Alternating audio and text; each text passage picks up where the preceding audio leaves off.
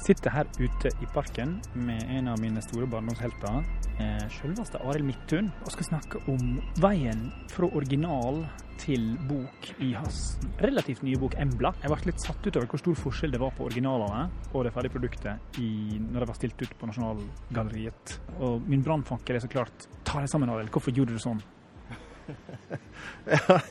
Uh, var det et spørsmål inni der? Ja, det var Hvorfor gjorde du sånn? hvorfor gjorde du sånn? Hvorfor, gjorde du, hvorfor liksom Du hadde sinnssykt fantastiske originaler, og så ja. krasja du på med masse farger oppå der. Det er ikke på alt, da. Ja. Bare, bare, en spesiell sekvens. Nei, de, de, originalene som du sier, som du så, det var skissene. Det var, det var en utforskning før vi bestemte det, si, det grafiske uttrykket som Embla skulle ha.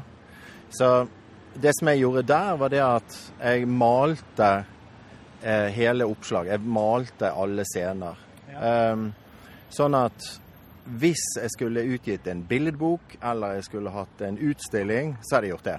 Men det var ikke det jeg skulle gjøre. Jeg skulle lage en tegneserie. Så poenget er at i Embla så er det så forskjellige stilnivåer eller virkelighetsnivåer at jeg måtte ha en frihet som de malte originalene ikke ga meg. Så derfor valgte vi et annet uttrykk. Så det som var stilt ut, var ikke egentlig originalene? Det var rett og slett helt andre sider? Ja, altså det, var, det sto ingen steder at det var originaler. Det var skisser eller forarbeider til, til Embla. Så, um, så det, det, er bare som at man hadde vist noe fra skisseboken, liksom. Så det var ikke originalene. Men jeg ser du har med deg flere malte sider fra Embla, som heller ikke ble brukt. Det ligger en under der. Ja, jeg kan vise um, til alle lytterne. Ja, det blir jeg glad for. Og... dette er veldig gøy. Wow, dette her så bra ut. Wow, en halvtime. Men i hvert fall, ja, så uh, dette blir jo dårlig radio, altså podkast, uh, å drive og vise ting. Men uh, det, det som jeg viser Øystein Runde nå, det er da layout-skisser som egentlig forteller hele historien. Men i, ja, innenfor Donald-verden så kaller vi dette scribbles. Altså det er type layout-skisser. Så det er mest av alt å regne som en ja, storyboards. Veldig enkle strektegninger som viser hva som skjer, men ikke hvordan. Sånn at dette er manuset som Bjørn Samset og jeg jobbet ut ifra. Fordi at Grunnlaget for hele Embla det var det at Bjørn, som eh, satt, sitter i eh, FNs klimapanel, han kjente til alle disse tallene som etter hvert er blitt publisert. Og vi visste veldig godt, spesielt Bjørn, om disse fem fremtidsscenarioene som FNs klimapanel hadde utviklet. Og det som vi ønsket å formidle, det var en, et form for sånn eh, ja, eh, at, at vi gikk fra fem, og så destillerte vi det ned til tre fremtidsscenarioer. Og det er det hele Embla handler om. Det handler om en ja, kall det en rød fremtid. Mm -hmm. Det er egentlig der vi er på vei. Altså, er det den med høyest CO2-utslipp? Ja, den, det er til og med ikke det høyeste. Oh, Men at uh, for noen Altså, jeg har vært på Svalbard veldig mange ganger og gjennom de siste 20 årene. På Svalbard har vi sett uh, I løpet av de 20 årene så har det vært en temperaturstigning på fire grader på Svalbard. Sant? Uh, det internasjonale frøhvelvet der oppe etter ti år så måtte det etterisoleres. Det er det det skulle ligge helt nedfrosset i permafrosten i hundrevis av år fremover. Det tok ti år. Så måtte det etterisoleres for 50 millioner kroner fordi at det lakk vann inn gjennom inngangen der. Så de tingene som har skjedd, og som vi er midt oppi nå, med disse igjen, sant? uværet Hans som var her, sant? store deler av, av eh, ja, både Canada, rundt Middelhavet, brenner. Så poenget er at hvis vi som menneskehet hadde opplevd en klimaendring med 4% stigning, det det ville vi knapt nok overleve. Altså Du ville få så store flyktningstrømmer, du ville ha så mye krig og konflikt rundt alle veier. Hele beltet rundt ekvator måtte bare flyttes fra. Så den røde fremtiden vår, den er ikke fullt så gale. den er gal nok. Men da, da, snakker vi om et eller annet to-tre graders stigning i løpet av dette hundreåret vi er inne i.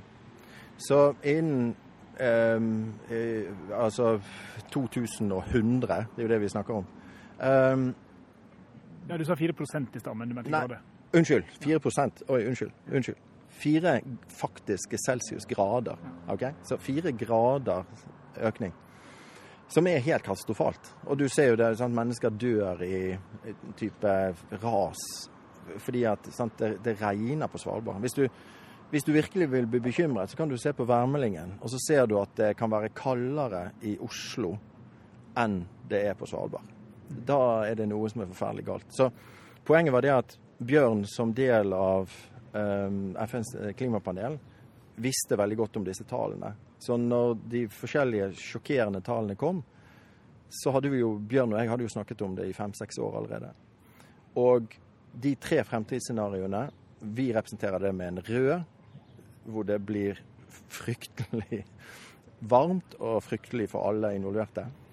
Den blå, som er, en eh, ja, si ett til to grader eller så. Jeg, vi, vent, vi kan se i boken. For der, vi har på en måte fasiten bak i Embla-boken. Ja. Og der kan vi se at hvis Ja, her står det jo faktisk fire grader global oppvarming. Sant? Det, det, er, det er noe vi ikke må Altså, jeg håper at menneskeheten aldri får oppleve det. Ja. Um, den blå er rundt tre grader global oppvarming. Og, og da vil det være sånn at vi i Vesten, altså den, um, den rike nordlige halvkule, vil greie seg ganske bra, fordi vi kan kjøpe oss ut av alle problemene. Sant? Vi har teknologien til å beskytte oss. Mens de milliarder av mennesker som bor i disse stedene hvor det vil komme de store sånn stormflo og branner og det hele, um, de vil ikke kunne beskyttes. Og så har vi den grønne fremtiden, um, hvor vi greier å holde oss sant, under to grader. Altså Hvis vi greier å ligge på 1,5 til 2 graders økning ut dette århundret, da, da, da vil det ikke være så store endringer. Da, blir- da blir det litt sånn som vi har det nå. Hvor du har nettopp disse store brannene, du har flommene, du har tørken, du har alt det. Men det vil kunne håndteres. Men det forutsetter da en, en type måte å dele teknologi på. Sant? Vi må bruke sol og vind der hvor det er best å høste den energien som er. Og så må vi samarbeide globalt. Da, da er dette fullt mulig. Så etter eh, pandemien, den kom jo midt oppi alt dette, så har vi jo sett det at det som folk savnet aller mest, det var jo ikke det å ta fly til Thailand. Det var jo det å bare kunne være sammen med mennesker. Sant? De som det betyr mest å være sammen med. Um, så jeg har, jeg har håp om at vi Ikke det at det ble en sånn game changer, men vi har sett at det er mulig. Og, og i, eh, under pandemien så gikk jo flyreisene ned med hva var det de sa da, 25 eller noe sånt. Og du så det med en gang i CO2-regnskapet. Så det er, det er fullt mulig. Så det som var grunnlaget for Embla, det var det at vi ville bake inn de tre fremtidsscenarioene inn i én historie. Og derfor så skapte vi denne her influenseren Embla, som flyr selvfølgelig til, til New York. Og har da dette her viktige gjennombruddsmøtet som hun tror hun skal på, da, på Upper East Side på Manhattan. Og så er det jo et helt annet form for gjennombrudd hun opplever. Så det var hele grunnlaget. Så det som Bjørn og jeg gjorde da, var at jeg hadde sett for meg hele historien. Jeg skrev den ut på ja, notater og pages på telefonen min. Og så skisset jeg den ut i Procreate på iPaden. Og så sendte vi skisser frem og tilbake. Og det er de skissene du kan se her. Nå viser jeg til Skissene i Procreate syns jeg var mer interessante, for der er jo teksten ferdig. Ja, ja. Altså, der, der ser man jo snakkeboblene og tekstinga gjort. Absolutt. Så, så, men selve på papir Ja. så er alt bare Igjen, det, det er mer som en storyboard for, for en film. Det er noe tekst noen steder, men mest av alt så er det bare for å vise liksom dette er det som skal skje. Deretter, når vi var enige om hvordan historien skulle være, så kommer det et, et nivå med, med layout-skisser. Og de, de er mye mer detaljerte. Da, da bestemmer jeg sånne ting som ja, perspektiv, plasseringen av de forskjellige elementene i de ulike eh, rutene. Og så gjør jeg om hele layouten, altså hvilke ruter som kommer etter hverandre, og hvordan ting plasseres. Så jeg er en sånn som aldri ville ha lagt scribbles direkte på lysbordet og tegnet og tusjet. Eh, Scribbles for meg er en manusform. Det er, det er bare storyboards. Er det mange som legger scribbles rett på lysbordet? Jeg vet det skjer. så, Jeg ser for meg Frode Øverli kan gjøre det. Eller han Ja, trenger ikke å nei, nei, Frode, nei, nei, nei. Eh, hvis hvis noen tegner så skjødesløst som Frode, skal jeg love deg at det er grådig nøye blyantarbeid under. Hvis du, hvis du har sett i Jeg har sett skissen hans, faktisk. Det er Ja, det er veldig fine blyantskisser. Helt nydelig. Ja. Så, så når, når han lager disse håpløse blomkålhendene sine Han kan jo ikke tegne fingre, den mannen. Jeg håper Frode hører dette. Ja. Men, men det, da er det skikkelig nøye skisser, altså. Og hvis du ser André Franquin i sin periode med der hvor han var helt vill med pensel, eller også der når han brukte penn og sant? Originalene er veldig små.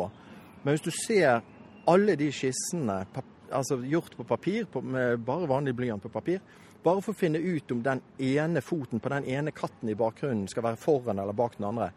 Så det, det er alt dette grunnarbeidet som gjør at eh, tegningene blir så bra som de er. Det ser lett ut.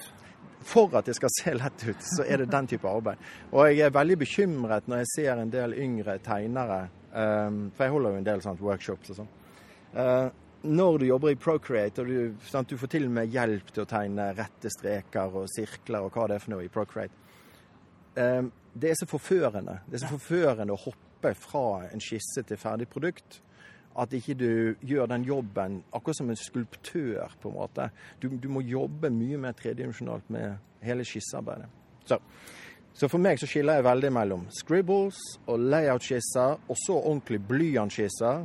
Og det som jeg nå viser Øystein her, er da igjen mer detaljerte layout-skisser. Her har du håndteksta du håndteksta alt inn i Ja. kladden. Ja da. Og det er fordi at På engelsk. Ja, ja, ja det, det glemte jeg å si. Altså Manuset, alt er skrevet på engelsk. Altså Det at dette blir utgitt i Norge, syns jeg er kjempefint. Og Cappell Dam var veldig gode utgivere. Pia, som var redaktøren vår, gjorde kjempejobb. Pia. Eh, Larsen, Pia Larsen er redaktøren vår. Eh, Kjempeflink. Og eh, igjen da Elisabeth, eh, designeren, og alle var kjempeflinke. Men dette har jo vært tenkt hele tiden. sant? Det har kommet ut på ja, Så langt er det vel bare dansk, og ikke minst tysk. Okay. Så nå tidligere i år så var jeg på Leipzig, ja, altså på bokmessen i Leipzig. Og tegnet og fortalte om eh, Embla og uh, Så anyway eh, Embla.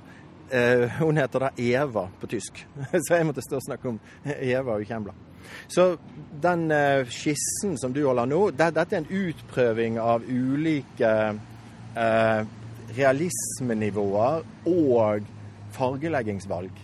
Sånn at det er det som du ser der. Dette, dette er jo i fulle farger. Ba, bare for å se eh, OK, så vår ja, La oss kalle henne Frøya. Kjærlighetsgudinnen. Hun er grønn. Og så er vår Tyr, eller Thor, vår krigsgud, han er svart og rød, ikke sant? Odin-figuren, han er blå.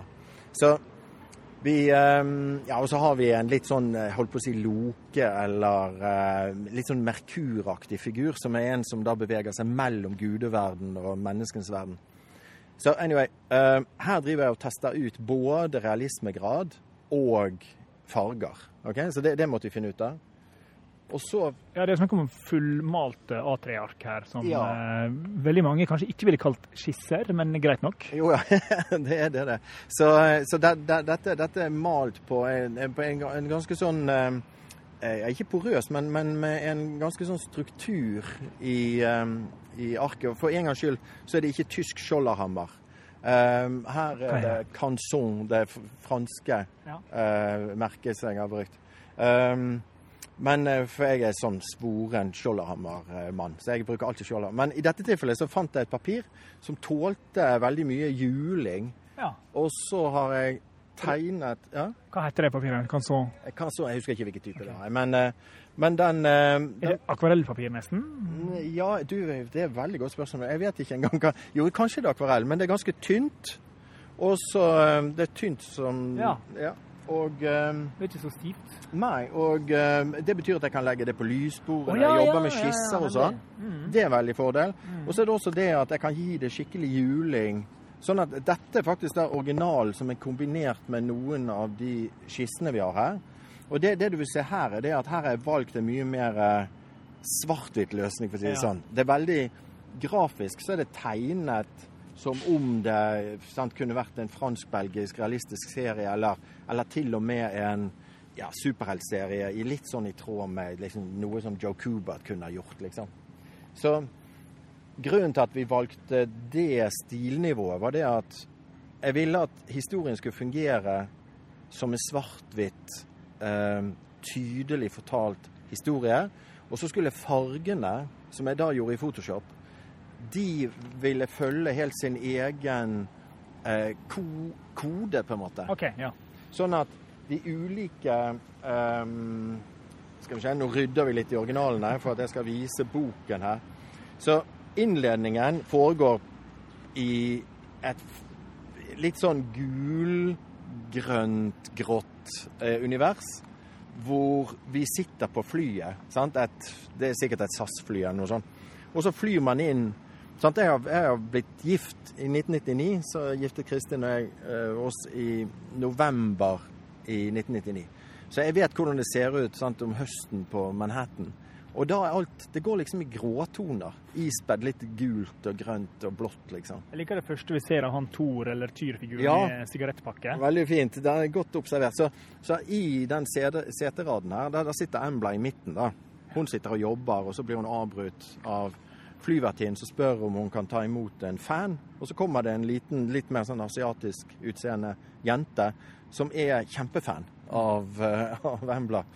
Og som sier sant, at hun vil bli som Embla. Men, eh, men når hun går og Embla sitter der uh, alene, så, så merker jo Embla allerede litt sånn tyngden av det livet hun lever. For hun, hun er jo en sånn jetsetter som reiser rundt og, og har sin egen Selvfølgelig, i disse dager så ville det vært Instagram eller TikTok eller noe sånt, men hun er typisk sånn influenser som reiser rundt og shopper og har mange følgere. Sant? Vi skriver vel millioner av følgere. Og så på hver side av henne så sitter det da en akademiker på ene siden med, så vi får se etter hvert at det ene brilleglasset er svart, sant? så han er enøyd. Og på den andre siden så sitter en sånn typisk eh, forretningsmann. Sitter og drikker øl og har Marlboro-sigaretter i brystlommen, liksom. Så, og så er det flyvertinnen, som vi kommer til å gjenkjenne som denne ja, si kjærlighetsgudinnen. Frøya, eller kall det hva, hva du vil. Ja, Idun tenker jeg på først. Nettopp. så har vi disse grønne eplene som denne flyvertinnen tilbyr Embla. Men som Embla sier, hun kan jo ikke spise det, for hun er på vei til et eh, viktig møte. Så sant, leppestiften ville blitt helt ødelagt, så hun kan ikke ta imot eplet. Så i hvert fall, poenget her er det at den, den, de innledende 15-16 første sidene, de er sånn gulgrå, på en måte. Og så kommer dette fallet utenfor, da de beveger seg over altså på Manhattan, over på Upper East Side, i nærheten av FN-bygningen. Um, og her så, så skjer det som gjør at Embla Og vi har bare valgt den helt vanlige tingen at man, man slår hodet. Sant? At alt var bare en drøm, eller et eller annet sånt. Jeg, er veldig glad i, i David Lynch. David Lynch har jo i, uh, I Blue Velvet så er det en sånn veldig idyllisk inngang i filmen. Uh, og så ser man på et tidspunkt at det er en mann som får et hjerteinfarkt, og han faller. Og så ser du at øret hans er helt nede Nå er det bare en bil som kjører forbi her. Øret hans er nede i gresset hvor det, masse, det kravler masse insekter og sånn. Og du følger på en måte insektene som kravler inn i øret på denne her døende mannen. Og så foregår hele historien på en måte inni dette øret.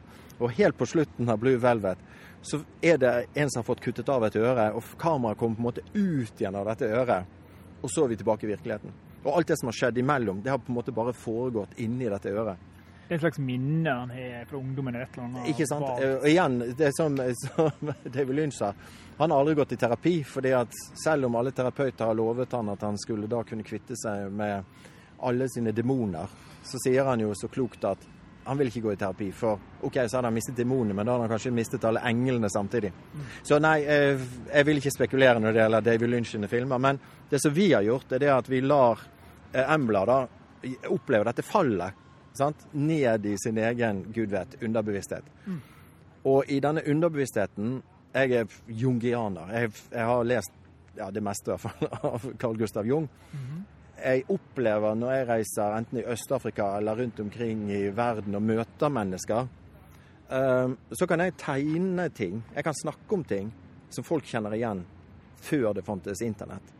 Så jeg er helt overbevist om at det er en del grunnleggende strukturer i måten vi tenker og føler på, som gir seg utslag i visse bilder. Så bare bildet mellom svart og hvitt, f.eks.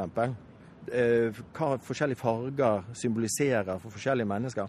Det er helt utrolig likt uansett hvor du er i verden. Så du har liksom en del asiatiske kulturer hvor hvit er en sørgefarge, men resten av verden har svart som sørgefargen. ikke sant? Mens det er det som vi gjør her, da, med disse eh, arketypiske eh, ja, skikkelsene som hun møter. Vi har aldri sagt at dette handler om de norrøne gudene. Men gitt at Embla kommer fra ja, si Skandinavia, så ligner dette veldig på Thor og Odin og Frøya eller Idun, som du sier. Det, det ligner på, på vårt pantheon.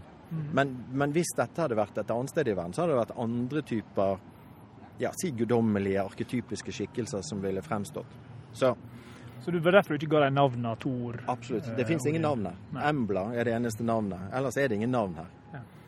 Um, så, så, da er vi over i en helt annen eh, fargeskala, som er rød og svart, fordi at vi er på en måte i, i Ragnarok. Så selv om det snør så brenner verden. Og så fra den verden så tar Odin, som da på en måte representerer sant, logikken, litt sånn det Jupiter-aktige perspektivet um, Han tar henne med inn i fremtiden for å se på den blå fremtiden. Og da får vi uh, en sekvens ja. som er blå. Og du føler at blå er liksom kulde, distanserthet, kynisme? At man lar ja, folk i stikken? Det, intellekt, det intellektuelle. Man lar folk drukne for å overleve sjøl, eller det Det er jo konsekvensen av det. For Jeg syns det var rart du tok blå og ikke oransje, når det skulle være en ting mellom grønn og rød. Nei, nei, nei, vi, vi snakker ikke om eh, fargesirkel her. Her, her snakker vi om min assosiasjon til det, at det blå er veldig sånn klart. Sant? Man snakker om et klart, blått blikk, liksom. Okay, så, ja. så det, det blå her, det representerer fornuften. Men fornuften, det er der vi lever nå. Okay? Vi beskytter oss med teknologi. Ja. Det er ikke vi som dør, det er de andre som dør. Så poenget her er at denne visjonen den går over i den grønne visjonen, hvor da denne si, kjærlighetsgudinnen kommer og viser en på en måte grønn fremtid, hvor vi har delt på teknologien. Vi finner smartere, mer eh, demokratiske løsninger. Og mens de snakker om dette, så går de langs eh, Upper East Side, som sagt, og så ser de eh, Jo, og så går de inn i eh, FN-bygningen. Eh, og der henger jo Gernica. Picassos bilde henger i, i foajeen der. Så vi passerer Gernica og vet hva mennesker er, er, er i stand til. Maleri som skal skildre borgerkrigen i Spania? I, Spania, ja. Og, og det er jo sant når Luftwaffen ja, altså, Luftwaffen bomber sivile. Ja. Um, så når hun da kommer inn i generalforsamlingslokalet Jeg mener det var det. I, i borgerkrigen? Ja, det var, det var, tyske, det var tyske jagerfly som drepte de, de spanske kommunistene. Ok. Ja. Så, men dette var en av måtene som, som jeg har lest, i hvert fall. At ja. En måte hvor Tyskland forbereder seg for andre verdenskrig. Anyway, så, Men poenget her er i hvert fall at vi har diktatorer. Og her er skjult ansiktet på den diktatoren som jeg viser bilder av. Um, det, det, det, det, er en stor kirkegård med mange gravstøtter. Det er da etter andre verdenskrig. Um, jeg viser en del sånne bilder i det øyeblikket de beveger seg inn i generalforsamlingen i FN. Ja, det er veldig sånn tette sider. Det er veldig, veldig mye detaljer og, og uh, ja, mye informasjon. Det er veldig mye informasjon. Så, så greien er det at du Det er det håp, da. I hvert fall fra tyske lesere så har jeg fått veldig ja, ja, norske også, så jeg fått veldig mye positiv tilbakemelding at de, de leser historien mange, mange mange ganger. Ja. Og det, det, det, setter jeg veldig pris på. Um, for, det, for, det, er veldig tettpakket, dette. Det, det, er bare 64 sider et eller annet. Um, så inne i generalforsamlingen, der kommer da denne, ja, kall det krigsguden vår, kommer inn og sier at det er for seint allerede. Og så ser vi, mens han snakker, så ser vi hvordan det utvikler seg med det skrekkscenarioet som Bjørn Samset og jeg har snakket om mange ganger Disse fryktelige, fryktelige hetebølgene som vi opplever Og jeg vet det at sånn som på Lesbos og flere steder i eh, Sør-Europa hvor du har så mange flyktninger og resten av verden så er det sånn vi kan beskytte oss. Vi, vi, har aircondition. Vi kan gå i skyggen. Tenk å være i en flyktningleir. Du har, du har ikke tilgang til vann engang. Så dette er det vi viser mens denne holdt på å si, krigsguden snakker at hva ville skje? Hva ville skje hvis du stenger mennesker inne på den måten? Sant? Og vi snakker om 40 grader. Vi kommer til nærmest 50 grader. Sant? Folk blir levende kokt. Men som vi viser her, det vil jo bli delt ut vann. Og nå kommer det som virkelig ligger meg som aller tyngst, tyngst for hjertet. Dette mener jeg virkelig. Ja. Det er det at når vi virkelig blir presset til det, så vil sånn som her eh, Vi forteller en historie om flyktningleir, en liten jente som får tak i den ene flasken vann som blir kastet inn. Hvis jeg kaster ei flaske vann over gjerdet Ja, så innenfor gjerdet i flyktningleiren, hvordan mennesker da er villige til å drepe for å få tak i denne ene flasken med vann. Og det, det, dette er reelt. Altså, vi, vi gjør det vi kan for å overleve. Ja. Og så er det soldater utenfor som skal beskytte de, den lille jenten som har denne flasken vann. Så denne soldaten skyter mot sant, ubevæpnede, uskyldige mennesker. Men for å beskytte den lille jenten, så dreper denne, denne soldaten. Og det er i dette øyeblikket vi tar av hjelmen for soldaten, og da er det Embla selv. Ja. Embla trodde at hun kunne slippe unna dette. Dette angikk ikke henne. På et eller annet tidspunkt så kommer dette til å angå oss alle. Det er det som jeg forsøker å gjøre med historien. Det er det Bjørn og jeg ville, var å trekke leseren inn der hvor de avgjørelsene som må tas nå, det vil få så ekstremt store konsekvenser fremover. For den, disse klimaendringene vil virkelig bare bli verre etter hvert. Det er godt bygd opp fordi du tvinger leseren til å ha- Ja. ønske å skyte inn i en folkemengde. Rett og slett. Og det er jo Rett og helt eh, Rett og slett. Så det, det, dette vippepunktet dette Ja. vippepunktet i historien, hvor Embla ser at ja, men hun, hun kan ikke se dette utenfra. Hun kan ikke sitte på et fly og tenke at ja, det, det, det er de andre. Sant? For det er ingen andre, det er bare oss. ja. ja, det er vi. Det, er vi. Det er bare oss. det er bare oss. Mennesker, mennesker. Jeg, jeg kan fortelle en veldig kort OK, i og med at dette er radio, holdt jeg på å si. I og med at dette er en podkast. Så la, la meg fortelle en historie. Jeg var og holdt et um, tegnsekurs, et workshop, i en skole i Sverige. Vi, vi satt eh, ved lunsjbordet, for der hadde jo varm mat for eh, skoleelevene, som jeg syns er helt genialt. Og så hadde vi spist opp all maten. Og så var det noe blomster som sto på bordet. Og så sa jeg Jo, jeg fikk spørsmålet hvordan, hvordan var det menneskeheten la under seg hele jorden? Okay? Hvordan har vi nå blitt åtte milliarder mennesker på jorden? Og så viste jeg dem. Jo, tenk nå, vi har spist opp all maten. ok? Vi var ja, si vi var fire-fem stykker rundt bordet. Disse guttene, sant, de var i 12-13-årsalderen, de spurte OK, hvordan har vi lagt under oss jorden? Jo, nå skal jeg vise dere. Vi har spist opp all maten, og nå spiser vi disse blomstene som står her. ok? Nå har vi ingen flere ressurser. Så gikk vi ut av kantinen, og så gikk vi ut ved trappen, og der sto det noen busker. Og så var det to-tre gutter som hang ved de buskene der. Så sier jeg Sånn er det alltid. Når jeg er i Sverige underviser, så blir jeg sendt til rektor. Okay? For jeg sier ting jeg ikke burde sagt. Men det, det som jeg sa da til de guttene som sto der, var det at se, vi er seks stykker. Sant? Inkludert meg, så er vi seks stykker. Dobbelt så mange som de guttene som sto der. Så sa jeg ok, enten kan dere dele disse buskene dere har, eller så dreper vi dere. Okay? Derf, det er da jeg blir sendt til Hvis det var ca. ti. Ja, tolv. Så de, de tålte det. Men anyway, så Og de, de ga jo opp selvfølgelig med en gang og ville bare dele alle buskene. Og sånn gjorde. Vi, vi fortsatte å gå rundt hele skoleplassen. Jeg hadde en kjempestor gjeng med gutter rundt meg. Og vi la under oss alt, for vi ble sterkere og sterkere og sterkere. Det var ingen som motsto oss i det hele tatt. Vi hadde underlagt oss alt, og jeg sa dette er sånn som menneskeheten har greid å underlegge seg jorden. Og så var dette litt sånn på ettermiddagen, det var lunsjtider, og det var på, på vinteren. Månen hadde kommet opp. Så jeg sier OK, nå har vi lagt ut under oss hele jorden. Hva skal vi nå gjøre? Hvor skal vi gå videre og legge under oss ressursene? Og så pekte jeg på månen og sa skal vi dra til månen? Spise stein og dritt? Og det som var morsomt, var det at disse guttene var så opphisset av all den makten de følte når vi gikk og underla oss hele skolen. Men når jeg hadde sagt det, så stoppet de opp, og så så de bare på hverandre. Og det var helt stille. Så Det er det vi forsøker å gjøre med Embla. Altså, vi, vi er nødt til å skjønne at vi kan ikke fortsette denne rovdriften. Vi, vi, det er ikke snakk om at vi sager over greinen vi sitter på. Vi brenner ned treet. Det er det Embla handler om.